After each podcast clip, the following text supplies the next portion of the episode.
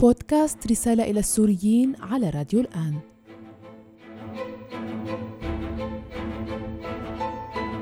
السلام عليكم. أنا أيمن عبد النور برحب فيكم برسالة جديدة للسوريين كل السوريين وين ما كنتوا بالمخيمات بخارج سوريا بالمغتربات داخل سوريا بأي منطقة ما كان. وراح نحكي اليوم عن القضايا المهمة اللي صارت الأسبوع الفائت. وأهم قضية صارت اللي هي آه، تعيين حكومة سورية جديدة. للنظام السوري. طبعا هلأ في البعض آه، كان دائما بيقول إنه ما في داعي أصلا حتى نشير لهيك موضوع لأنه ما مهم كونهم هن عبارة عن مجموعة من الموظفين بيطلق عليهم أو بيقول إنه شو بيطلع بإيدهم ما بيطلع بإيدهم شيء موظف صغير أو واحد بالأمن أقوى من الوزير سائق الوزير قد يكون أقوى من الوزير فبالتالي ما في داعي نحكي عنه. لكن بكل الأحوال في مؤشرات مهمة بالحكومة وبدنا نبحث بقضايا وأسرار تشكيلتها وخفاياها اللي ما حدا حكى عنها بالإعلام نهائيا. خلينا نحكي مثلا آه، نبدأ بالرئيس الحكومة اللي هو حسين عرنوس اللي هو من إدلب. لماذا عينوا النظام من إدلب؟ لأنه حتى يقدر يواجه فيه قرايبينه وناسه اللي موجودين حتى الآن أصلا في إدلب في بعض منهم استشهد بالقصف اللي صار بالسنوات السابقة. ومشان يوجه رسالة لكل الاهل بإدلب إنه نحن ما عندنا مشكلة معكم لكن مشكلتنا مع الإرهابيين الموجودين بيناتكم. طيب هلا كان في كثير آه، تغييرات متوقعة تصير منها مثلا زيادة عدد النساء اختيار مجموعة من الوزراء من الشباب اللي تدربوا بمنظمات السيدة أسماء الأسد وحتى تغييرات بتطال بوزارة الخارجية وقد يكون تكليف سيدات في مناصب عليا سواء في وزارة الخارجية أو في الحكومة. كل ذلك لم يحصل. ليش؟ بسبب إنه خلال الأيام الأخيرة للتشكيل النظام اعتمد على قضية أنه الآن نحن مقبلين على انتخابات لرئاسة الجمهورية بداية العام المقبل وفق الدستور وبالتالي سمى الحكومة هي اسمها حكومة تمهيد للانتخابات الرئاسية. بمعنى إنه عمره قصير ما بيتجاوز من تسعة أشهر مشان هيك إذا ما في داعي يحط كل ما لديه من رسائل داخلية أو خارجية بتشكيلة هذه الحكومة وما يخاطر بإجراء تغييرات كبرى لأنه قد ذلك يؤدي إلى فشل الإعدادات والتمهيد للانتخابات مما يعني يجعله في موقف بشع قدام مواليه. لذلك شو كان الهدف الأساسي للحكومة أولا إظهار أنه قرب النظام من المواطنين. مشان هيك مثلا غير بالوزارات الخدمية مثل الصحة التجارة خلاه نفسه لكن آه، من أجل التعامل مع تداعيات آه، الاقتصادية لقانون قيصر وتخفيفها غير وزيري الصناعة والزراعة من أجل الاعتماد على الذات وتخفيف الاستيراد. أيضا جاب وزير عدل مقبول من الناس لحتى يقول إنه ليكو رح نحارب في الفساد ونفرض القانون وبالتالي نحن صورتنا عم تتحسن ولازم تجوا ترجعوا تنتخبوا آه، رئيس الجمهورية بالانتخابات المقبلة. خلينا نشوف بعض القضايا المهمة اللي صارت فيها، مثلا المسيحيين أعطاهم ثلاث وزارات، حقيقة بوزارات مهمة أيضا. وبالتالي أرسل رسائل للغرب إنه هو داعم للأقليات مثل وزير الإعلام ووزير التعليم العالي اثنين أرثوذكس ووزير النفط كاثوليك مشان بالتالي بعت برسالة تعيينات الأرثوذكس لأرضاء روسيا وكاثوليك لحتى يتقرب ويخطب ود الفاتيكان طيب العلويين كم وزير؟ أخذوا خمس وزراء، الدفاع، وزير الإدارة المحلية، وزير الأشغال العامة، وزير النقل ووزير الشؤون الاجتماعية والعمل. وكانوا هن خمسة أصلا بالحكومة السابقة وزير الداخلية ضل نفسه وزير الخارجية ضل نفسه لكن هو ما بقي نفسه كيف؟ طيب هلأ هو بقي نفسه كشخص في منصبه لكن آه تم سحب منه معظم الصلاحيات كاملة اللي كان يقوم فيها وبالتالي هو ما عاد موجود كيف؟ اللجنة الدستورية ومباحثات جنيف كلها الآن صارت تحت إيد لونا الشبل وأمجد عيسى ورئيس اللجنة الدستورية أحمد الكزبري التعيينات الدبلوماسية لكل الدبلوماسيين وإفاداتهم ولأي بلد وكل هالقضايا هي صارت تحت ايد معهد الدبلوماسيين اللي هو برئاسة غسان نصير ونائبه اللي هو وزير شؤون رئاسة الجمهورية منصور عزام اللي خلينا نقول هو المدير الفعلي حقيقة للمعهد. الأمور الإدارية تم تكليف وزيرة التنمية الإدارية فيها والأمور السياسية بإيد منصور عزام ومكتب الرئيس واللجنة السياسية. معناتها هو صفي فقط مسؤول أو وزير بالصورة حصرا فقط. وزير الدفاع هلا وزير الدفاع هي قطة جدا جدا جدا مهمة.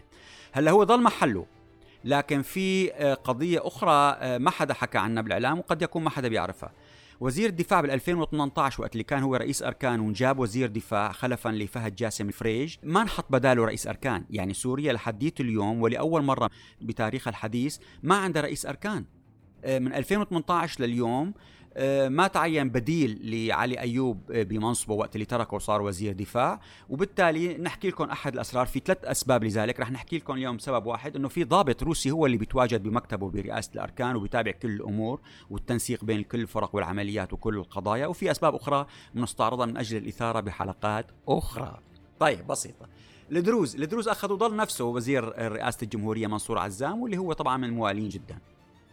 الأكراد اعطاهم واحد ونص. شلون يعني واحد ونص؟ يعني مثلا ملول حسين حطوا وزير دولة لشؤون مجلس الشعب عن ممثل عن الحزب الشيوعي وفي وزير من أصول كردية اللي هو آه، طلال برازي وزير التجارة الداخلية. البعض بيقول أنه هذا كردي البعض بيقول لا آه، استعرب لكن بكل الأحوال هو يعني كمان من أهلنا وأخوتنا الأكراد.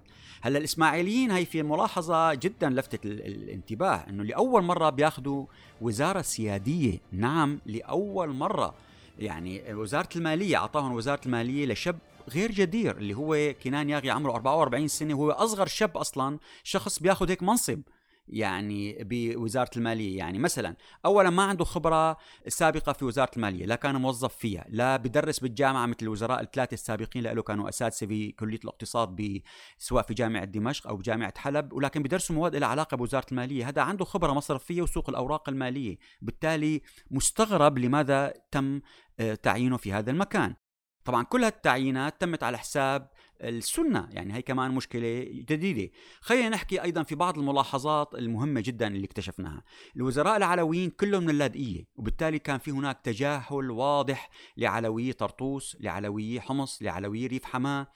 يعني في في تجاهل. وزيره الشؤون الاجتماعية اللي هي سلوى عبد الله كانت وزيره الدولة في الحكومة السابقة وتعينت وزيره شؤون اجتماعيه حاليا بالحكومة الحالية. طبعا هي ممثلة عن حزب الاتحاد الاشتراكي العربي وهي مرته لفنان التشكيلي المشهور المتوفى حيدر يازجي الطبيب حسن غباش اللي هو وزير الصحة حاليا هو ابنه لوزير التموين ما بعرف تتذكروه محمد غباش اللي ضل بال 80 لل 85 أيضا لبانا مشوح اللي هي وزيرة الثقافة. يعني هي كانت وزيرة ثقافة أصلا بال 2012 ضلت لل 2014 طيب إذا شلتها بال 2014 ليش رجعتها هلا بعد ست سنين؟ هلا هي مرته للدكتور وائل معلا اللي هو كان زميلي كمان أيضا مدرس كان ندرس مع بعض في كلية الهندسة المدني بجامعة دمشق، هو بعد استلم رئيس جامعة دمشق وسافر للإمارات وعم بدرس هناك، هلا هي بعد ما خلصت بال 2014 صار بدها تلحقه لهنيك لكن ما أعطوها إقامة بالإمارات لأنه هي موجودة على قائمة العقوبات الأمريكية ومعظم قائمة العقوبات الأوروبية لأنه وزيرة في حكومة نظام آه، السوري وبالتالي ما قدرت تروح. فضلت فاشتغلت كمستشارة للاستراتيجيات الثقافية بمنظمتها لاسماء الأسد. وبعدين جبدوا الست اسماء قالت قاعدة انت قاعدة بالبيت وقاعدة. لا فيك تسافري لعند زوجك ولا شيء تعي حطيناك وزيرة ثقافة. ويبدو هذا اللي صار. هلا وزير الزراعة حسان قطنة هو ابن خالته لأنه الاثنين أمهم من بيت العاني من منطقة الميادين بدير الزور. يعني هلا اندعموا منطقة الميادين. لنشوف شو شو شو بيطلع منهم. بودكاست رسالة إلى السوريين على راديو الآن. النقطة الأخيرة اللي هي وزير التربية اللي أول مرة بينجاب إنه اختصاصه كان هو عميد كلية الطب البيطري بجامعة حما وبعدها صار مدير مشروع حماية الحيوان. الآن حط وزير تربية اللي هو الدكتور دارم طبع. هلأ هي القضايا اللي صارت. لكن في ملاحظة نحن لاحظناها أيضا مهمة جدا. ارتكب خطأ إداري رئيس الجمهورية بكلمته اللي وجهها لإجتماعه مع مجلس الوزراء شو قال لهم؟ قال يجب أن يأخذ مجلس القضاء الأعلى دوره وهذا هو الدور الأساسي لمجلس القضاء الأعلى من خلال التشدد في العقوبات. طيب أنت بتكون وقت اللي بتكون خارج مجلس القضاء الأعلى بحق لك توجه تنبيهات أو حتى عقوبات أو تطلب من منهم أي شيء كرئيس جمهورية. لكن هو رئيس مجلس القضاء يبدو نسي هو عم بيحكي اندمج بالكلمة نسي إنه هو رئيس مجلس القضاء الأعلى. فهي أيضا نقطة مهمة جدا، طيب ننتقل الآن شو القضايا اللي غليت في سوريا أو انفقدت؟ طن كيس الاسمنت اللي هو 50 كيلو زاد سعره من 2300 ل 3500 ليرة وبالتالي صار طن 70000 يعني أعلى من راتب الموظف، طيب شلون بده يشتري يعمل مونة مثلا للحيط إذا بده يدهنه وبده يظبطه كل القضية، طيب تم زيادة أيضا أجور تصريح عن الأجهزة الخلوية من 100 ألف ل 250 ألف. تم تخفيض كمية تعبئة البنزين للسيارات الخاصة من 40 لتر ل 30 لتر بس كل أربعة أيام. طيب الرز والسكر. هلأ أعلنت مناقصة المؤسسه السوريه للتجارة والاستيراد 39 ألف طن رز لكن الملفت حقيقة بالاعلان إنه شو قالت؟ قال إنه بده إياها درجة ثالثة ورابعة. يعني معناتها إنه أرخص شيء وأسوأ شيء وما عندهم قطع معناتها لحتى يستوردوه. أيضا خففوا الطحين المعطى لعديد من المخابز والأفران بحجة إنه هي عم بتهرب الطحين وبالتالي صار في كثير من الناس ما عم يقدروا يستلموا على البطاقة الإلكترونية تبعهم حصتهم المخصصات من ربطات الخبز. أيضا هذا مشكلة كبيرة. أيضا خلينا ننتقل. شو في أخبار مهمة صارت بسوريا؟ الحارس القضائي لشركة سيريا تيل محمد مازن المحايري عين مدير جديد اللي هو مريد صخر الأتاسي طبعا من حمص. وأيضا قريب من السيدة أسماء الأسد وبالتالي خلفا لماجد صقر أيضا صارت اذا معروف ليش تم تعيينه. أيضا السيد ماجد حليمة اللي هو مدير عام التلفزيون السابق حكى قصة حقيقة مدهشة يعني. قال إنه آه، اندعى بال 2011 لمكتب الدكتور عبد الله الدردري كان نائب رئيس مجلس الوزراء للشؤون الاقتصادية ودخل على الاجتماع فتفاجأ أنه هو ما له دور نهائيا ولا طلع في غلط ان داعيينه كان الدكتور دردري داعي آه، مفكر إنه هو داعي مدير عام مؤسسة الأعلاف بينما هو داعي مدير عام مؤسسة الإعلان. حرف واحد فقط الفارق لكن بيفرجيك قديش حجم التسيب الإداري وحجم الخربطة بهيكلية ونظم الإدارة في سوريا.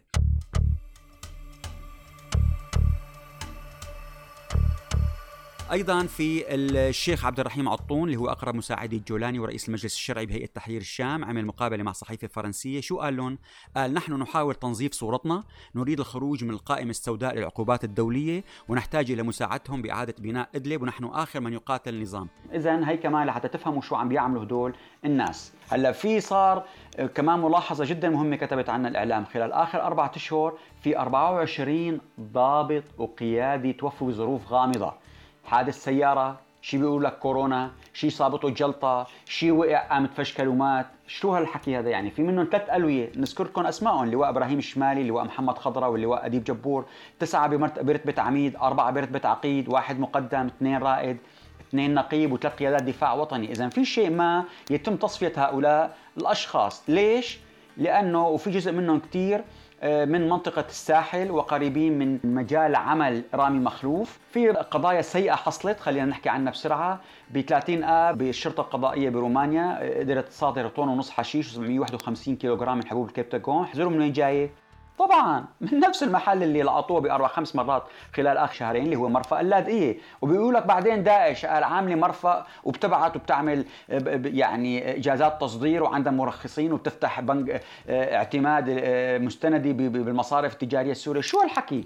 هذا النظام اللي عم يدير القضية ولكن هالمشكلة وين حاطينها؟ حاطينها مع صابون غار حتى يضربوا أيضا سمعة المنتجات السورية باسم محمد بشير جبيلي اللي عنده مصبنة مشهورة بحلب، ما بيصير يعني ده عم بتدمروا سمعة الصناعة السورية كلها بكل منتجاتها، تبلغ قيمتها لهي حوالي 60 مليون يورو، طبعا الجالية السورية برومانيا نبهت السلطات هنيك، قالت لهم قالت لهم إنه بما إنه اليونان اكتشفتهم ومصر اكتشفتهم وليبيا وإيطاليا ما بقى غير محل يهربوا لليونان. وفعلا بعد شهر من تنبيههم للحكومة اليونانية فعلا لقطوها ووجهت لهم شكر لهالسوريين هدول.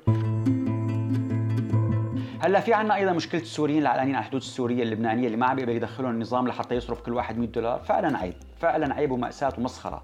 أيضا هي كمان نقطة تشوفوا لوين؟ الشرطة بمدينة كوبلنز اللي عم تحاكم فيها عدد من مجرمي الحرب السوريين تصوروا اخلتها بعد ما أجاها انذار انه في قنبلة ولغوا محاكمة اللي هن العقيد أنور رسلان وإياد غريب لأنه صار في تهديد بالقنبلة فأجلوا لأيام أخرى. هل هي صدفة؟ أنتم حكموا حكموا بهذه القضية هي. أيضا في محاولات الآن من أجل ملاحقة شركات سامر الفوز. فبعد ثلاث سنوات الآن عم بيصفوا شركة أعمار للسيارات وشركة أعمار للدرفلة اللي هن الشريك الأساسي فيها حميش وفوز. وبالتالي يعني اللي عم بيرشح من أخبار إنه بدهم يعملوا فيهم مثل ما عملوا مع رامي مخلوف. أيضا رشحت عن الجانب الأمريكي إنه هو كان مسرور من لقائه مع السيد معاذ الخطيب بقطر. الاجتماع اللي صار ببيتها للسفيرة الأمريكية بالدوحة بحضور نائب الوزير السيد ديفيد شنكر وكان هناك رئيس القسم السياسي ورئيس القسم الاقتصادي بالسفارة الأمريكية بالدوحة وكلهم بيحكوا عربي على فكرة. يمكن يعني الحديث صحيح صار بالإنجليزي لكن الكل بيحكوا عربي. هذا حتى كان ممكن يحكوا عربي مع الشيخ معاذ. فهي كمان أيضا ملاحظة. السوريين بأمريكا كان في عندهم شيء إيجابي أنه سمحوا لهم للناس ال 7000 شخص سوري اللي هن بالحماية المؤقتة أنه يسافروا خارج أمريكا ويرجعوا. خلينا نحكي الآن أيضا عن الناجحين اللي هو دائما الملف اللي كنا نحن دائما بنحكي آه، عنه وهو شيء آه، مهم. آه، السيد محمد سعيد شيخ جبر اللي هن من خمس أجيال من أشطر الناس بالبروكار انتقل للنمسا وأخذ معه النول اللي هو تبع جده وحقيقة عم ببدع هنيك المهندس غفران جمال الدين عم تبدع بالسويد السيد مؤذن اللي هو مؤذن وقارئ قرآن السيد حسين بدران راح على اليونان وتعلم عزف عود وصار من الناس المشهورين اللي عم بيعزف حتى مع الأوركسترا. السيد مشعل العدوي عمل فيديو جدا جدا أخذ ضجة وتناقلوه. وقت تحدث هو بدبي وبكل الوطن العربي السوريين عم بيحكي كيف إنه إذا هو كان فرنسي كيف بينظر للعرب والسوريين كيف عم بيتصرفوا وكيف هن عم بيأذوا حالهم بحالهم. حقيقة يعني فيديو لازم تشوفوه لأنه مأساوي. يعني بيحزن يعني كيف على الوضع السوري. أيضا عملت لقاء تلفزيون سوريا أيضا اللي هو تلفزيون آه، للسوريين كلهم. عمل لقاء مع الدكتور زكي البيبيدي اللي هو رئيس ساك ومع الأستاذ الدبلوماسي السابق بسام برمندي. وجابت المذيعه سيرة السيدة ماجي خزام قالت إنه هي عم تدعو لانتخاب جو بايدن وتنشط معه بالديمقراطيين في أمريكا. وكان الرأي السيدين لبابيدي وبسام بربندي إنه لازم يكون آه، السوريين واعيين ويعرفوا كيف يختاروا لأنه ما بدهم يكرروا سياسة أوباما اللي كانت حقيقة ضعيفة وأضعف من سياسة ترامب تجاه سوريا. بشكركم كثير كثير وإن شاء الله نكون هيك قدرنا وصلنا لكم عدد كبير من الأفكار وما تنسوا توزعوا الرابط لرفقاتكم وشكرا لكم.